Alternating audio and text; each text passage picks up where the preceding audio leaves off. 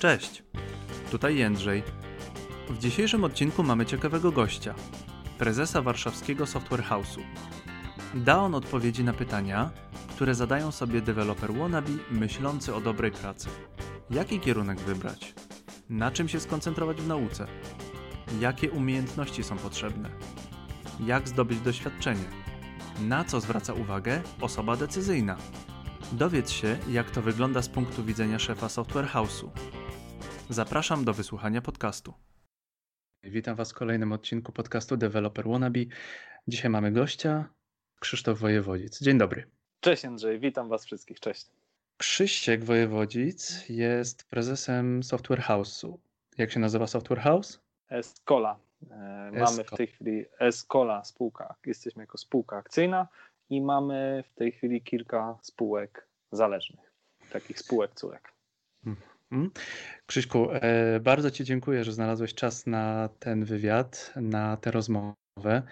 Jest to o tyle dla mnie ważne i o tyle ważne dla prawdopodobnie słuchaczy, że będziemy mieli spojrzenie z drugiej strony. Ze strony prezesa dużego software house'u, który ma fajne osiągnięcia. Podcast jest dla osób, które uczą się programowania. Podcast jest dla osób, które uczą się programować, chcą wejść do IT. Ja no po to, prostu. To, mhm. to, super, bo ja chciałem też powiedzieć, że ja też mógłbym być słuchaczem Developer Wannabe, bo wielu założycieli software house'ów to osoby techniczne, osoby, które skończyły studia informatyczne. Mhm.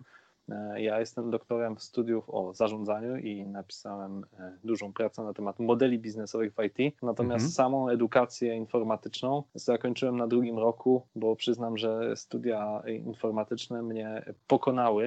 E, mhm. Nie chcę tutaj złego słowa powiedzieć o uczelniach, bo sam na jednej czy dwóch pracuję no mhm. ale niestety studia informatyczne, na jakie ja chodziłem, bardzo dobrej uczelni, e, były, e, miałem wrażenie, 10 lat za tym, co już wtedy, czym już wtedy zajmowałem się w praktyce e, mhm. w Software House.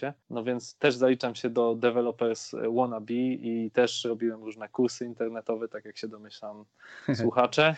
E, uczyłem się kodować JavaScripta na, na różnych kursach, e, czy HTML-a, także jakby czuję się jednym z was. Pokonały cię studia, dlatego zostałeś prezesem, tak? Prezesem fajnej tak, spółki. Jak to, jak to mówię tutaj e, moim pracownikom, kto nie umie kodować, ten musi umieć negocjować. No wy, wy uczcie się kodować, to nie będziecie musieli umieć negocjować. Krzysztofie, mamy tak zwany hype na kodowanie, mamy tak zwany hype na programowanie. Daj proszę juniorowi, który chce się uczyć, chce wejść do IT, daj proszę radę, złotą radę. Ja tylko jedną radę mogę dać. E, mhm. Bądźcie wytrwali i to mhm. wiem, jak wspomniałem, po sobie. E, nauczenie się kodowania jest trudne, bo to naprawdę wymaga kilku lat. To znaczy, chcę tutaj mm, zasmucić niektórych, którzy być może żyją w przeświadczeniu mitu, że trzy miesiące na bootcampie można się nauczyć programować. Tak, mhm. można otrzymać pierwszą pracę w IT, wierzę w to, szczególnie w jakichś pracach frontendowych. E, w backendzie odrobinę trudniej i to jakby znam z, zarówno od uczestników tych bootcampów, jak i e, od prowadzących, że nie wszyscy na backendzie kończą, a na frontendzie idzie lepiej trochę. E, mhm. Natomiast zostanie programistą w sensu stricte rozumiejącym różne zależności, spoglądającym na, na kod jako na coś większego niż wykorzystanie pewnych gotowych bibliotek i, i odtwarzanie szablonu, niestety zajmuje kilka lat. No, jednej osobie może to zająć dwa lata, innej dziewięć, jeszcze innym nigdy, ale to określenie stosowane w programowaniu, że jest ten junior, regular, senior, ekspert, y, nie bierze się znikąd i, i naprawdę też y, nie jest tak, że można zostać programistą bardzo szybko i bardzo łatwo. I też naprawdę trzeba trochę, trochę, trochę potu i łez w to włożyć, ale też jak każdy początkujący programista wie, jak kod jest dobrze skompilowany i działa, to jest to wielka radość, jak rozwiązanie trudnej zagadki, jak wygranie meczów, piłkę. E, to jest po prostu wielka satysfakcja, więc no, jedyna rada, którą mogę powiedzieć, to bądź wytrwały. Bądź wytrwały, ucz się codziennie, koduj codziennie, co jeszcze? No i przede wszystkim e, pytaj. No, mamy teraz fajne narzędzia internetowe, jakieś typu Quora, gdzie można zapytać, dowiedzieć się. No ale też pytaj w firmie, czy jeżeli jesteś na bootcampie, pytaj prowadzącego, pytaj kolegi.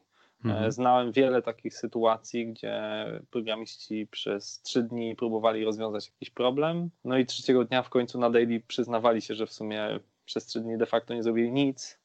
Mhm. I drugi programista mówił, no a czemu nie spróbujesz tego i tego? A, no tak, no.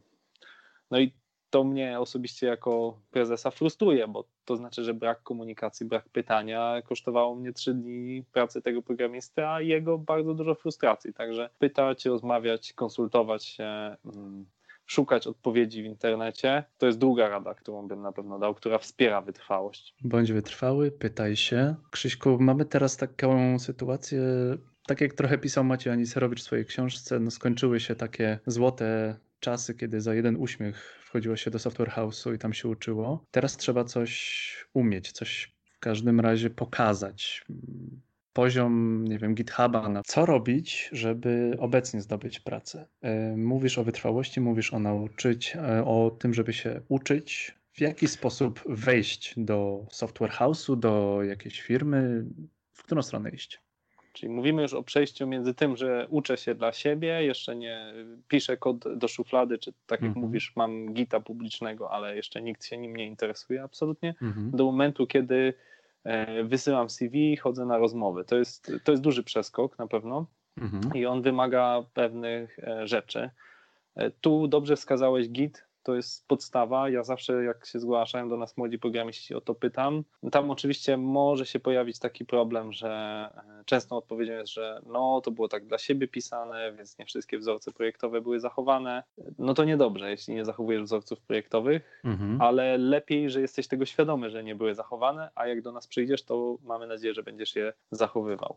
Więc mhm. Git to jest absolutnie must. E, warto też znać jakieś narzędzia z takich rzeczy, które, e, które się poznaje jakieś narzędzia do zarządzania projektem, od jakichś najprostszych typu, nie wiem, Asana, Active Collab, aż po Jira, która e, jest no, takim najpopularniejszym systemem i akurat my z niej stosujemy, jak i większość naszych klientów, więc no, te narzędzia warto znać, plus różne e, narzędzia do integracji kodów, testowania itd. Tak Im więcej narzędzi, przynajmniej znasz ich nazwę, pobawiłeś się jakimś demo, tym lepiej dla ciebie, bo na rozmowie bardzo prawdopodobne, że padnie e, pytanie typu, nie wiem, czy znasz Postmana, Krakena, czy jakiekolwiek inne narzędzie, które akurat my w tej firmie stosujemy.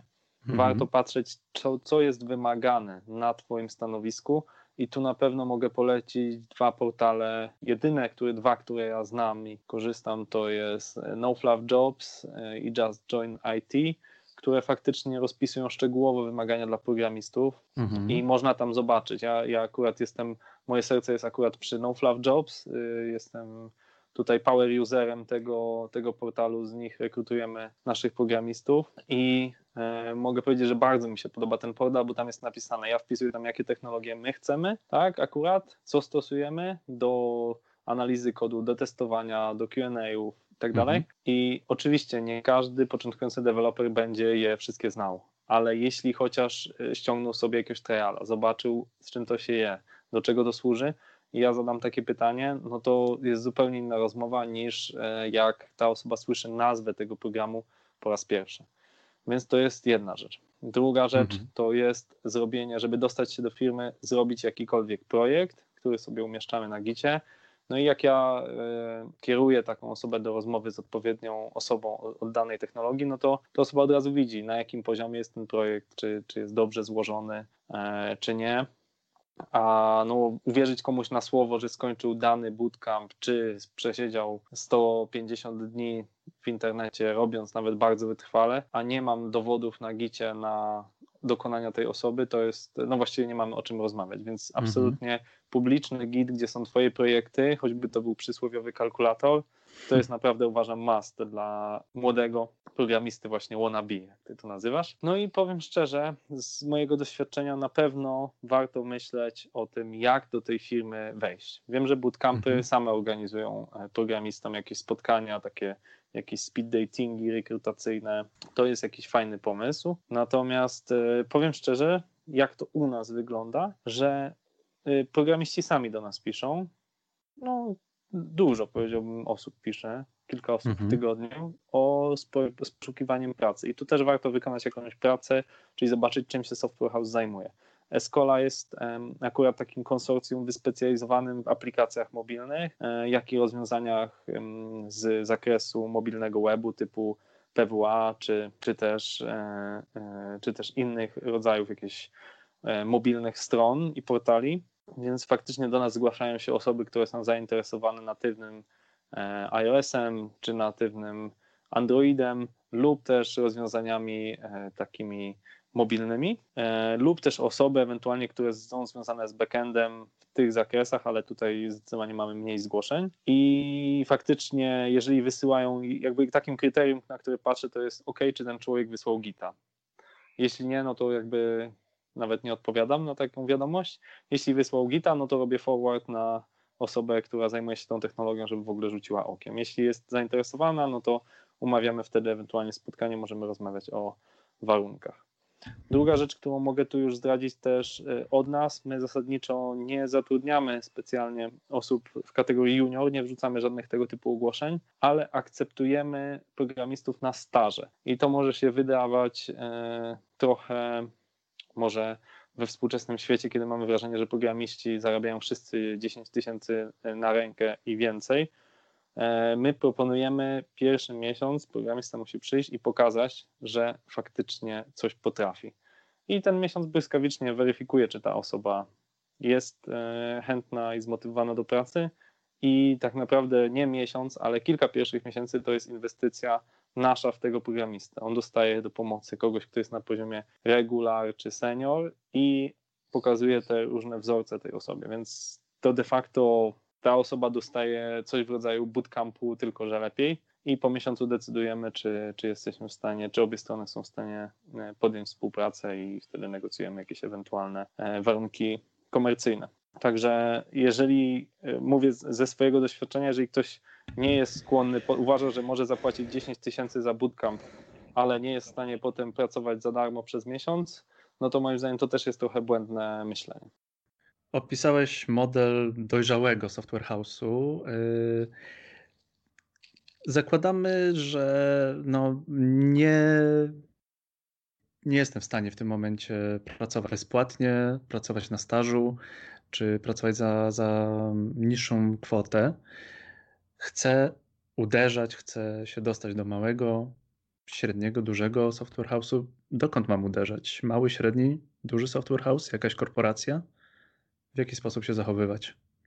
Mi się wydaje, że każdy wedle wielkości software house ma inne podejście. To znaczy, na pewno duże software house'y korporacyjne typu ASECO, SMT e, Software, Komar mają stanowisk dużo dla, dla juniorów mhm. E, i mogą podłączyć pięciu, sześciu, siedmiu juniorów pod jedną osobę, która ma doświadczenie w kodowaniu i próbować E, organizować tak naprawdę takie bardziej bootcampy. Wiem, że mhm. niektóre firmy, e, to, to akurat myślę o Capgemini, robią już e, rekrutację w liceach i od pierwszego roku, jeśli ktoś jest na informatyce, zatrudniają i wdrażają te osoby w pracę na praktykach płatnych.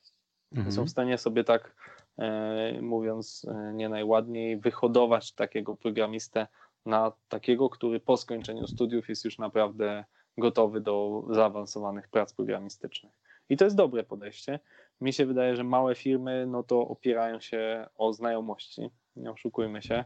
Jeżeli chcesz się dostać do małego software house'u, to prawdopodobnie dostaniesz się do software house'u, który prowadzi twój kolega albo jest w nim zatrudniony i po prostu cię poleci. Mhm. Ewentualnie można próbować rozsyłać maile, no ale nie sądzę, żeby to było jest to duża zagadka, tak, do kogo trafimy w tym momencie i na jakich zasadach. No, a jeżeli chodzi o, o średniej wielkości software house'y, no to wydaje mi się, że każdy ma już jakieś inne swoje podejście. Jeden będzie bardziej zbliżony miał do tych dużych korporacyjnych rozwiązań, inny tutaj e, może mieć podejście takie, gdzie bardziej może zorganizować takie, takie praktyki. Myślę, że możliwości rozwoju są bardzo duże w tej chwili. E, natomiast trzeba liczyć się z tym, że ten początek jest trudny. Pierwszy rok, mhm. dwa pracy na stanowisku młodszego programisty są trudne i wymagające i moim zdaniem warto też walczyć o, o takie stanowisko, gdzie otrzymamy pewną uwagę. I tu chciałbym zrobić takie ważne zastrzeżenie. Mhm. Jeżeli chcemy od razu zarabiać na programowaniu i dajmy na to, skończymy kurs frontendowy, bez problemu możemy znaleźć pracę. Możemy pójść do jakiejś małej agencji interaktywnej, możemy pójść do, nie wiem, jakiegoś małego wydawcy czy jakiejśkolwiek firmy i być tam alfą i omegą, tym panem od IT, panią od IT, który to e, po prostu będzie robił stronki, będzie otrzymywał jakiś CMS, będzie wprowadzał do niego zmiany, będzie pewnie jakąś grafikę potnie jak trzeba, a nawet narysuje w Photoshopie. Będzie ta osoba mogła zrobić bardzo różne prace informatyczne.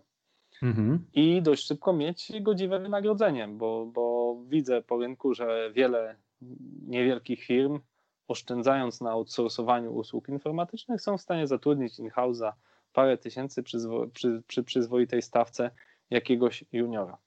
Natomiast zastrzegam, że mimo poczucia bycia alfą i omegą, nieprędko będziemy mogli się rozwinąć jako frontend developer czy, czy na innych powiązanych stanowiskach. Jednak, żeby stać się no, takim poważnym programistą, w moim przekonaniu trzeba trafić do firmy informatycznej sensu stricte. Mhm. I tu też trzeba zrobić rozdział, bo możemy trafić albo do firmy informatycznej produktowej, gdzie y, tworzymy jakiś produkt z takich znanych przykładów, no, niech to będzie Brand24, narzędzie analityczne, może to być Booksy, czyli narzędzie do rezerwacji, może to być, nie wiem, Traffic Car, gdzie rezerwujemy auta i tam po prostu będziemy częścią zespołu, będziemy tworzyć produkt. Nikt specjalnie wtedy nie będzie się interesował technologią, ale na pewno będzie to ciekawe, bo będziemy tworzyć coś bardzo naszego, bardzo namacalnego. Mamy szansę się bardzo mocno z tym utożsamiać. No i możemy trafić do software house'u, który wytwarza oprogramowanie na rzecz innych klientów, którzy no, po prostu będą mieli swoje wymagania i w moim przekonaniu raczej mamy większe szanse na trafienie na dobre wzorce projektowe, to znaczy na pełne korzystanie tutaj z Agile Scrama, mamy szansę na dobre narzędzia, ponieważ jeżeli firma z tego żyje i dostarcza tylko i wyłącznie oprogramowanie na zlecenie, musi być bardzo mocna w zakresie dostarczania, wykonywania tej usługi i mamy szansę na naprawdę nauczenie się, jak to wszystko powinno być robione. Ale oczywiście nie ma reguły, może być software house, który absolutnie specjalizuje się w jakiejś technologii, wcale nie ma jakiejś wybitnego plejady narzędziowej, a po prostu siedzi tam paru bardzo mocnych ludzi, którzy się specjalizują w danej technologii i w ten sposób e, opierają swój wzrost. Krzyśku, i teraz pytanie takie, które zadaje się wielu osobom, które mają pewien, mm, pewien autorytet. Czego się uczyć obecnie? No ja wspomniałem o tym, że jeżeli bym dzisiaj e, stanął w Twoich butach i chciał zostać deweloperem, no to staję przed drogą łatwiejszą, czyli frontend, i drogą trudniejszą, czyli backend.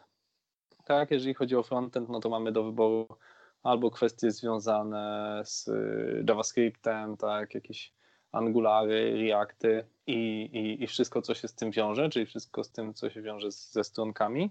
I na pewno tego łatwiej się nauczyć, to jest wizualne, e, to jest przyjemne i łatwiejsze do nauczenia się niż przykładowo nauczenie się Java, czy nauczenie się tym bardziej jakichś kwestii związanych z bazami danych, czy tym bardziej nauczenie się rzeczy związanych z e, kwestiami konfiguracji administracji serwerów, byciem DevOpsem. To już jest dla wielu osób czarna magia, nawet po informatyce.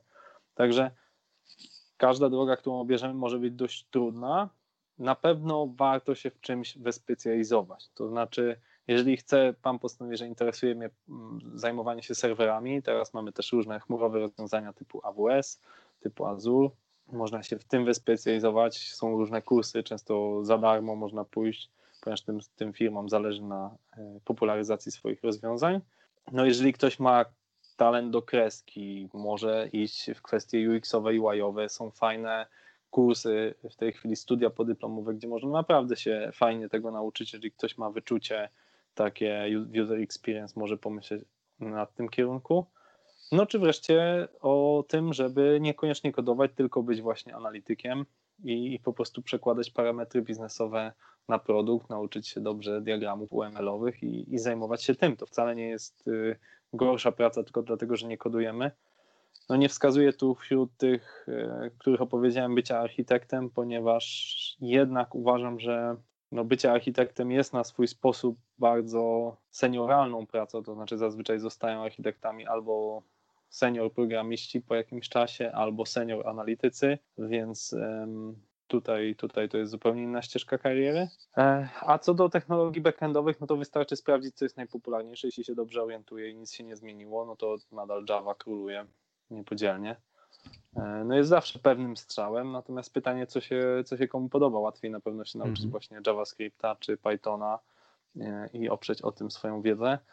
Natomiast na pewno polecałbym zobaczyć kilku języków, kilka języków jako junior, natomiast bardzo nie polecałbym uczyć się równolegle trzech, czterech języków, no bo to jak, jak z nauką języków obcych, że owszem, jeżeli nauczymy się jednego języka, drugi, trzeci, czwarty, każdy kolejny będzie łatwiejszy, natomiast y, no jak zaczniemy od razu z, uczyć się kilku języków naraz, no to będzie nam po prostu bardzo trudno na tym początkowym etapie, więc ukierunkować się, wybrać, czy chcemy iść ścieżką łatwiejszą, czy trudniejszą. Na pewno są takie technologie, które są zawsze w jakimś okresie sexy, trendy i, i bardzo wszyscy chcą w nie iść. Pamiętam, jak był czas Ruby on Rails i, i ta technologia nadal gdzieś tam istnieje, egzystuje, natomiast e, no jakby nie, nie, nie świeci triumfów, nie popularyzuje się jest niszowa, a wydawało się, że w pewnym momencie, że będzie zyskiwać na popularności znacznie. No na pewno JavaScript ma bardzo wiele odnóg i tutaj też można niektóre rzeczy popatrzeć, jaka z tych subdomen JavaScripta może być dla nas ciekawa. No i szukać też, co, co, nas, co nas interesuje, co, co się nam podoba. Tak? Wspomniałeś pewne kursy UX-u z dziennikarskiego obowiązku nie mogę tego przepuścić. Proszę powiedz, gdzie można te kursy znaleźć, na, na jakiej uczelni te kursy są e, proponowane? Wydaje mi się, że e, SWPS, znaczy SWPS ma na pewno w swojej ofercie i jeszcze jakaś uczelnia ma e, kursy UX-owe i UI-owe jako studia podyplomowe, no ale tu polecam Google'a w celu zasięgnięcia po najnowsze informacje. No, jakby nie, nie kończyłem mhm Natomiast wiem, że ludzie kończą te kursy, znajdują zatrudnienie. I, i, i jest to z mojej obserwacji, są to, e, jest to specjalizacja, która bardzo mocno zyskuje na popularności. I tak mówię, jeśli ktoś posiada wyczucie, jest w stanie e, zajmować się UX-em i też e, ta dziedzina bardzo dobrze się w tej chwili rozwija. Czy warto pójść na studia podyplomowe żeby na przykład uczyć się frontendu bądź backendu? No jakby wiem, że w tej chwili no to, to po prostu triumfy świe, świe, no niesamowitą popularność zyskują wszystkie te bootcampy, tak? Chyba Szkoła Programowania IT, czyli chyba dawne Coders Lab, to przejęte teraz przez grupę Pracuj.pl, mamy InfoShare Academy, mamy Software Academy, no jakby tego jest dużo i trudno mi powiedzieć, która jest lepsza, a która jest gorsza. Natomiast byłbym tutaj troszeczkę sceptyczny co do tego, czy da się na pewno nauczyć trzy miesiące. Natomiast często te, te bootcampy też polegają na tym, że jest jakiś tam czas rozruchowy, potem jest bootcamp, a po bootcampie jest jeszcze jakiś czas na robienie własnych projektów, kiedy mamy dostęp do mentorów. I już w tym połączeniu jestem przekonany, że można się nauczyć powiedzmy w przeciągu 6-9 miesięcy osiągnąć taki poziom, jeżeli ktoś ma determinację, e, żeby się nauczyć, nie będąc wcześniej programistą, bo pamiętajmy, że wiele osób, które idą na te bootcampy, to są osoby, które wcześniej sobie robiły jakoś hobbystycznie stronki albo mają jakieś rozpoznanie w zakresie IT. No niestety z przykrością muszę e, stwierdzić, że mm, ostatnio rozmawiałem z moim byłym studentem, nie bezpośrednio moim studentem, ale studentem, którego zatrudniałem na uczelni, bardzo utalentowanym i e, on e, ma na imię Konrad i, i skończył informatykę inżynierską, 7 semestrów, obronił pracę, po czym stwierdził, że nie nadaje się do pracy w IT, więc musi pójść na bootcamp i jak stwierdził po pół roku nauczył się więcej kodowania niż przez całe studia. Więc znaczy to nie najlepiej świadczy o studiach informatycznych, ale też bardzo dobrze świadczy o tych bootcampach. E, oczywiście studia informatyczne, bo tak dwa razy się o nich negatywnie wypowiedziałem, też dają nam szeroką podstawę w zakresie fizyki, algorytmiki, matematyki, która na dalszym etapie pracy programisty bywa bardzo przydatna, ale nie jest w tej chwili takim mastem. E, więc e, jeżeli są studia podyplomowe, no to trzeba sprawdzić, kto je prowadzi, czy prowadzą je osoby, które w praktyce zajmują się programowaniem. Jest dużo osób, które, są, które zajmują się programowaniem i po godzinach czy w weekendy prowadzą różne zajęcia dla młodych programistów. I jestem przekonany, że te osoby są w stanie nas dużo nauczyć, wskazać nam drogę i na pewno mm, warto na takie zajęcia chodzić. Jeśli to mają prowadzić doktorzy czy profesorzy zajmujący się teorią e, algorytmów czy teorią programowania, no zastanowiłbym się, co chcemy wówczas osiągnąć. Sam, sam kończyłem studia podyplomowe z zakresu informatyki i e, mimo, że był to bardzo prestiżowy wydział no, najlepszego uniwersytetu w Polsce, to dowiedziałem się bardzo dużo to, co jest potrzebne na makropoziomie, tak? czyli o, o projektowaniu, o analizie, o architekturze, natomiast no, zakresu programowania nie prowadziły to osoby, które się tym po prostu zajmują. Także patrzeć na prowadzących.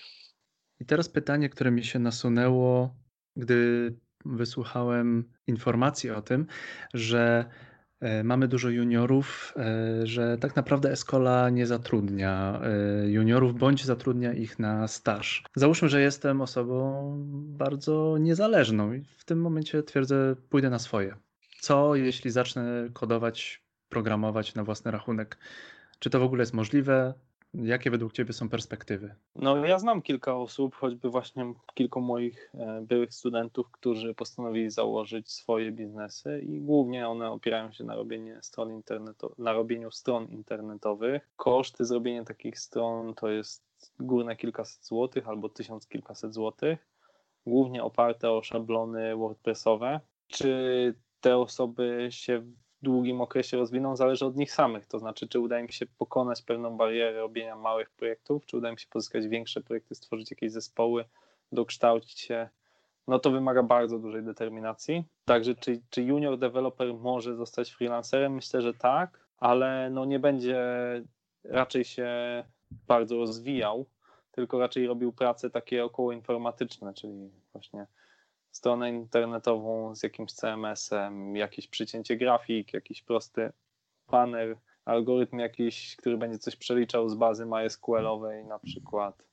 No jakoś nie widzę do końca, jak ta osoba miałaby się rozwinąć, aczkolwiek może zbudować jakiś biznes, nie wiem, jeśli ktoś by był bardzo dobry w robieniu stron na WordPressie i z czasem zatrudnił więcej osób, które są też w tym dobre i mógł je nauczyć tak, żeby w jeden, dwa dni robić stronę, którą się wycenia na 1000 zł, no to, no to mnożąc tą skalę jesteśmy w stanie zarabiać całkiem przyzwoite pieniądze. Natomiast no, jakby nie znam osobiście wielu przypadków, gdzie junior, e, który wchodzi na rynek programistyczny, założył biznes, jest to biznes informatyczny i zarabia on. To jest dla mnie dosyć nieznane zjawisko, ale no nie mam tak dużej też wiedzy, może są takie firmy. I jeszcze jedno pytanie. Chciałbym zawsze podkreślić, że to IT to nie jest tylko i wyłącznie programowanie.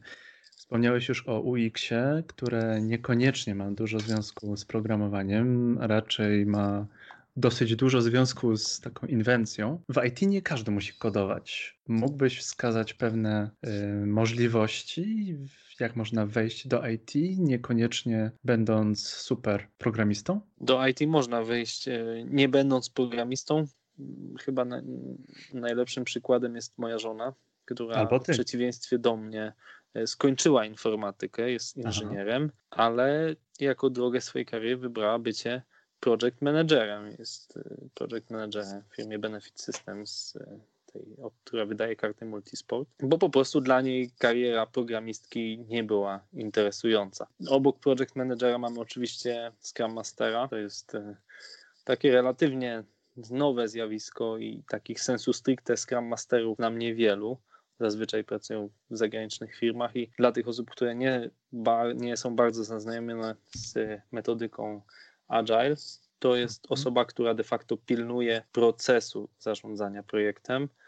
Na przykładzie Escola e, my codziennie e, o 9.30 mamy takie daily, gdzie każdy odpowiada na pytania, co zrobił, co będzie robił, jakie ma problemy.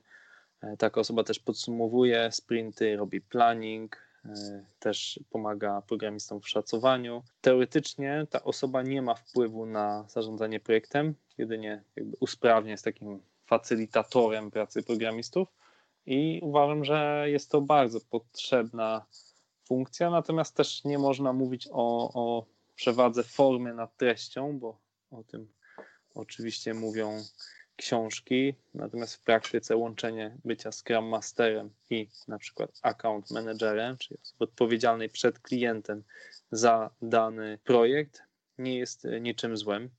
Książki zabraniają łączyć rolę Scrum Mastera z Project Managerem, a jest to nagminne i osobiście nie upratuje w tym czegoś strasznego. Tak? Jeżeli dana osoba wie, jak łączyć te kompetencje i, i zna rozdzielność też tych kompetencji, czy wreszcie rola e, właściciela produktu, product ownera, która bardzo mocno zyskuje w tej chwili, czyli korporacje czy też startupy zatrudniają osobę, której jedynym obszarem zainteresowań powinno być dbanie o jakość produktu. Czyli o ile project manager ma dopilnować, żeby projekt wydarzył się w czasie i harmonogramie i usuwać wszelkie blokery, ale niekoniecznie musi dbać o to, żeby ten produkt był super jakościowy, to właściciel produktu musi dbać o to, żeby ten projekt e, odbył się niekoniecznie w czasie, niekoniecznie w budżecie, ale żeby to, co dostaniemy, było naprawdę ekstra, e, naprawdę ze świetnym spotkało się odbiorem ostatecznego klienta. No i wreszcie mamy osoby sprzedawców, i tu chcę zrobić takie ważne zastrzeżenie, które wczoraj akurat mi powiedział e, znany polski biznesmen e, Rafał Bauer, który wchodzi ze, swoją spółką akcyjną właśnie teraz na, na portal BizFund. E, jest to założyciel firm takich jak Pruchnik, i, czyli pierwszej spółki akcyjnej, która wyszła na, na giełdę. No i on właśnie powiedział, że młodzi menedżerowie często właśnie dopieszczają za wszelką cenę produkt, pomyślą, że to, że produkt jest dobry, go sprzedaje, a tymczasem sprzedają go dobrzy sprzedawcy. I prawdę mówiąc, im dłużej jestem w biznesie, tym mhm. bardziej szanuję sprzedawców, naprawdę. To jest bardzo trudna rola, bo obiegowe opinie są takie, że to są jacyś tam ściemniacze, naganiacze, tykacze. tykacze. A tymczasem, co z tego, że ja mam świetny produkt? Co z tego, że Escola ma naprawdę świetny zespół programistyczny i dobre metodyki i dobre standardy jakości, jeśli nie będę miał, jeśli świat o tym się nie dowie, jeśli nie będę mógł o tym powiedzieć klientom. Także e, uważam, że sprzedawca w IT to jest absolutnie kluczowa osoba dla funkcjonowania startupu, korporacji czy średniej spółki, tak jak Escolesa. I miałem okazję spotkać kilku świetnych sprzedawców, i też chcę powiedzieć o nich, że w dzisiejszych czasach już nie sprzedaje się praktycznie w ogóle na zasadzie spotkań, jakichś picia wódki do rana, tylko sprzedaje się na zasadzie dobrego Excela, zbudowania dobrego lejka, gdzie e, zazwyczaj osoby młodsze stażem budują bazę, e, uzyskują maile, kontakty, telefony, LinkedIny, potem osoba sprzedawcy je konwertuje, czyli stara się zadbać o te osoby, a ostatecznie osoba taka merytoryczna, no jakby dopina deal i ustala wszystkie szczegółowe parametry. I w tej chwili no, ta sprzedaż to już zazwyczaj odbywa się nie właśnie w oparach alkoholu, tylko z nadbiórka, z nad Excela, czy jakiegoś dobrego, e, dobrego systemu, dobrego CRM-a, gdzie wiedza takiego sprzedawcy, jak zbudować taki lejek sprzedażowy, jak wesprzeć to reklamami, jak wesprzeć to dobrym marketingiem, PR-em, jest absolutnie kluczowa.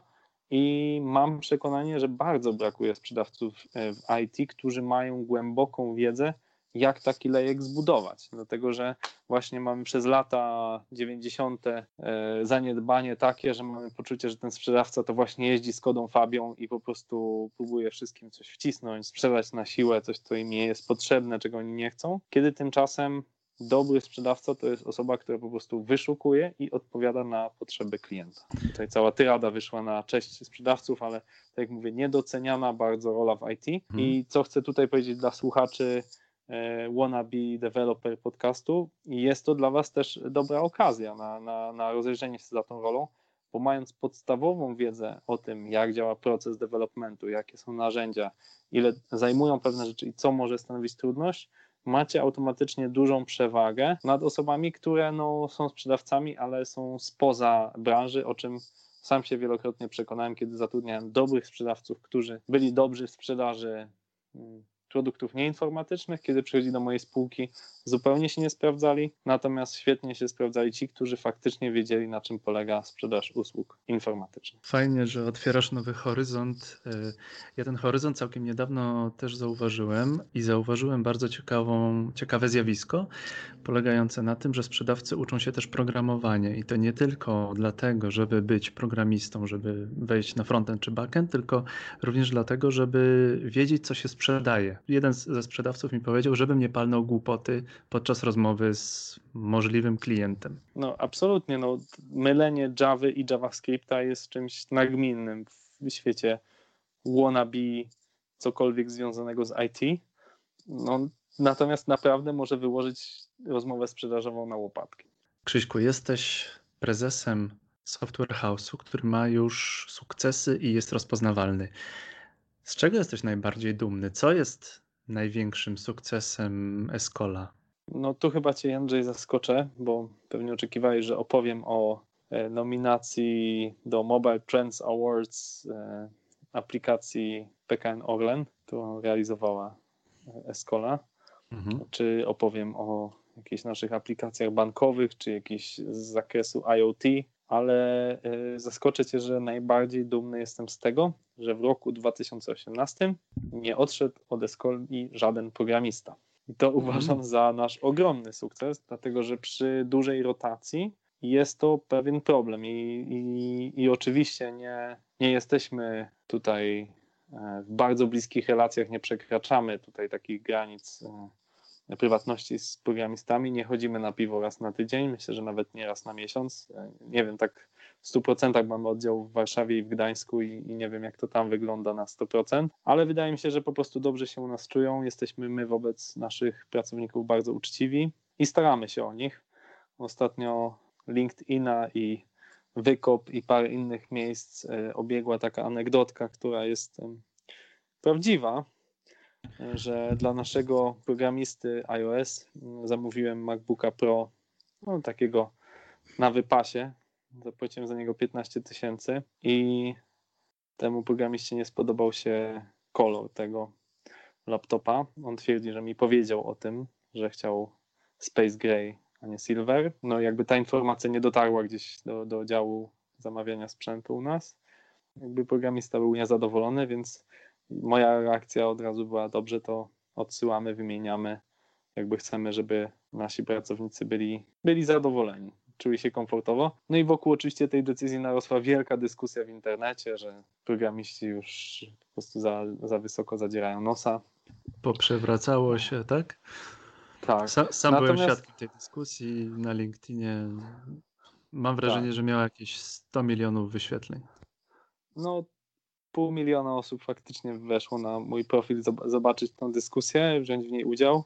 Yy, natomiast no mi się wydaje, że ona jest o tyle pouczająca, że ja uważam, że niezależnie od wszystkiego trzeba o pracowników dbać. Dla jednego będzie to na przykład fakt, że chce mieć jakiś dodatkowy urlop, bo musi rodzić dziecko. Dla innej osoby z kolei to będzie możliwość pracy w nadgodzinach, bo potrzebuje ta osoba dodatkowych środków, żeby wystarać się o kredyt na mieszkanie. Więc to są bardzo różne potrzeby, w które trzeba się wsłuchiwać, ale też uważam, że tu nie chodzi tylko o chwalenie i czasem właśnie dobra, kategoryczna rozmowa, gdzie, gdzie merytorycznie e, przekazujemy sobie informację zwrotną, feedback na temat tego, co nie działa, jest bardzo potrzebna. U nas jest taka tradycja, że raz na dwa tygodnie gramy w taką grę.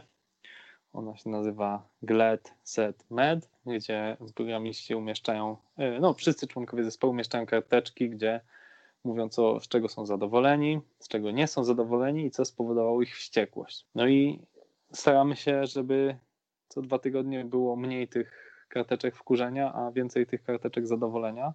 Nie jest to czasem łatwe, bo bywają projekty trudne, bywają różne spięcia, bywają błędy w szacowaniu, bywają bardzo trudni klienci, więc nie wszystkie rzeczy możemy rozwiązać, bo gdyby praca była łatwa, lekka i przyjemna, to nie musielibyśmy za nią płacić, tylko wszyscy by po prostu przychodzili jak na placu rozrywki, tak? No, czy nawet jakieś takie małe rzeczy dbania o, programistów, typu jakieś darty w biurze, czy, czy raz przynieśliśmy dla programistów e, takie mini komputerki do zabawy, żeby mogli sobie różne rzeczy poeksperymentować.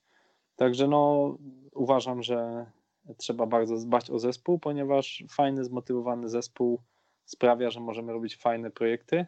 My jesteśmy, mimo że już troszeczkę urośliśmy, to jesteśmy relatywnie młodą firmą, ponieważ e, z kolei odkupiłem od e, innej osoby i tak naprawdę całą kulturę organizacyjną, którą mamy dzisiaj, staraliśmy się wdrożyć. E, I, mm, no i wydaje mi się, że udało nam się i, i też uważam to, co jest cenne u nas, że nie zajmujemy się mydłem i powidłem, jak wiele firm informatycznych, tylko skupiliśmy się na tym mobilu, więc jeżeli osoba jest zainteresowana tą technologią, no to wie, że przychodząc do nas spotka tam innych specjalistów, że będzie mogła wymienić i zderzyć swoje myśli, że będzie mogła rozwijać się w tym obszarze, jak i robić no, dosyć prestiżowe projekty w tym obszarze. Więc to też jest ważne i, i też jest ważne e, dla klientów, tak? bo wiedzą, wiedzą z kim rozmawiają i że ten, e, ta koncentracja daje nam no, pewne premium na rynku. Ludzie, a potem czyny, tak?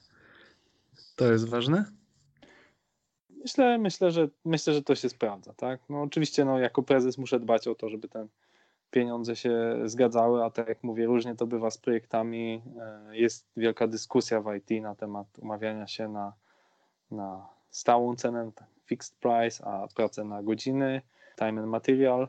No i to, to zawsze budzi dużo kontrowersji. Zdecydowanie w Polsce wszyscy chcą się umawiać na, na cenę z góry, ale potem się okazuje, że zakres się zmienia, no i to powoduje wiele dyskusji.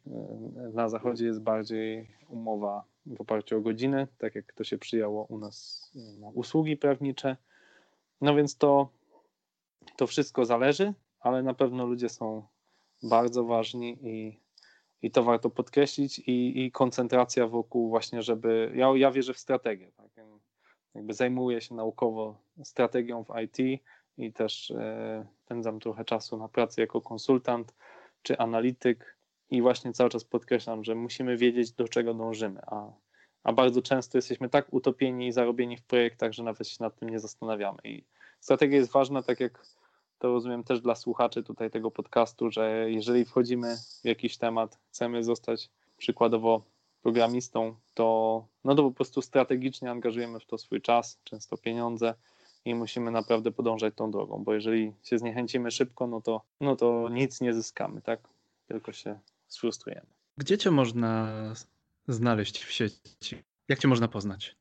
No i chyba naj, najbardziej zachęcam do kontaktu poprzez LinkedIn. Jestem też aktywny na Facebooku i prowadzę też Facebooka bardziej jako profil e, służbowy niż prywatny, więc zapraszam do tutaj zakolegowania się, czy na LinkedInie, czy na Facebooku i śledzenia, co ja tam publikuję, a myślę, że jest to, jest to dosyć cenna wiedza też, bo dzielę się chętnie wiedzą.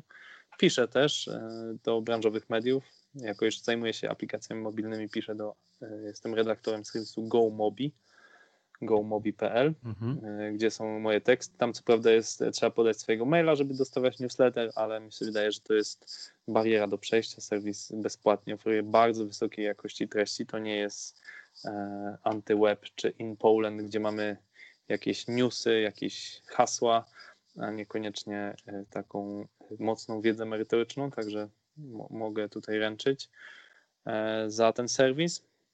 Pisałem też dla Product Vision, czyli dla e, portalu dla właścicieli produktu, ale wszystkie swoje artykuły publikuję potem na swoim LinkedInie, więc jakby tam można poczytać. Nasza spółka w tej chwili też stara się o kolejne finansowanie i o konsolidację rynku mobile. Dzisiaj dostałem potwierdzenie, że będziemy mogli kupić trzecią już spółkę do naszego portfolio, spółkę córkę branżową, także no zależy nam na tutaj konsolidacji rynku mobile w Polsce i stworzeniu bardzo silnej grupy, która ma za cel wejść na giełdę, także mam nadzieję, że wkrótce będzie o nas e, trochę głośniej, będzie możliwość zakupu akcji w, takim, w takiej zamkniętej emisji przedgiełdowej. Może, może w następnym podcaście to będę mógł coś więcej na ten temat powiedzieć, bo na razie e, jeszcze są to informacje nieoficjalne. Planujesz wypuszczenie akcji? Czy możesz zdradzić, gdzie będzie można te akcje nabyć? E, no tak, tak. Akcje będziemy mm, sprzedawać poprzez platformę bisfund.com. Bisfund jak e, pszczółkowy fundusz, bisfund.com. E, akurat niedawno o tym portalu było głośno, ponieważ klub sportowy Wisła Kraków wszedł na ten portal i w ciągu 24 godzin sprzedał 5% akcji za kwotę 4 milionów złotych. Escola nie jest Wisłą Kraków, e, bo Wisła Kraków w ten sposób i ratowała się przed bankructwem i się uratowała i też no, miała bardzo swoją wierną rzeszę fanów. Escola ani nie ma wiernej rzeszy fanów, ani nie musi się ratować przed bankructwem. Naszym celem jest tutaj konsolidacja rynku mobile i, i jesteśmy jedynym software house'em w tej chwili, który na tej platformie będzie miał swoją emisję. Więc no, zobaczymy, na ile nasi akcjonariusze w nas uwierzą. Mamy, mamy w tej chwili już 150 akcjonariuszy, którzy, którzy już z nami są i, i, i mam nadzieję, że będzie okazja do nich dołączyć. Także bisfund.com to, to jest portal, gdzie będzie można więcej informacji uzyskać na temat emisji. Bisfund, fajna rzecz. Sam jestem właścicielem kilku akcji browaru, pewnego, który się całkiem, całkiem niedawno ogłaszał na, na, na Bisfundzie. Nie było mnie stać na beczkę, bo to już e, trzeba było kilka tysięcy złotych wydać, ale odmówiłem sobie kilku browarów, kilku piw i wrzuciłem to w akcję. Super, no to jest, e, no ja mogę powiedzieć bardzo pozytywne słowa o Bisfundzie, bardzo się rozwinęli w ostatnim czasie i dlatego też Escola postanowiła z nimi, z nimi tutaj współpracować. Złote słowo na koniec naszej rozmowy. Antena jest twoja. No, życzę wszystkim e, słuchaczom wytrwałości, e, nauce kodowania, ale też nauce in, z innych obszarów związanych z IT. Pytajcie, eksperymentujcie, kombinujcie, bądźcie pokorni też, bo to wymaga naprawdę wielu miesięcy, wielu lat pracy, żeby się nauczyć dobrze aspektów informatycznych i okołoinformatycznych. No i słuchajcie podcastu, bo wydaje mi się, że tematyka jest ciekawa i, i widzę też, obserwuję e, Jędrzeja, że on także się rozwija i ma ciekawych gości, ciekawe tematy tutaj proponuję także. Tyle mogę powiedzieć tytułem Złotego Słowa na koniec. Jednym z ciekawych gości był Krzysztof Wojewodzic, który również napisał mały słowniczek można przeczytać na mojej stronie codeboy.pl. Krzysiek tam scharakteryzował rolę w zespole informatycznym. Myślę, że dla każdego wannabe jest to fajne miejsce, żeby przeczytać to, co zna człowiek, to, co wie człowiek, który ma 9-10 lat doświadczenia w IT. 10. Mhm. Moim gościem był Krzysztof Wojewodzic, prezes spółki akcyjnej Escola.pl. Bardzo Ci dziękuję za Twój czas. Dzięki i życzę wszystkim powodzenia. Do usłyszenia.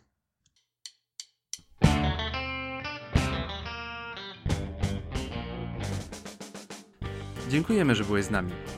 Zachęcamy do zadawania pytań oraz do komentowania. Jesteśmy dostępni w iTunes, Spotify, Google, na YouTube oraz w wielu aplikacjach podcastowych. Jeśli podoba Ci się nasza praca i chcesz nas wesprzeć, będziemy wdzięczni za 5 gwiazdek w iTunes, udostępnienie nagrania albo powiedzenie o nas swoim znajomym. Do usłyszenia w następnym odcinku. Cześć!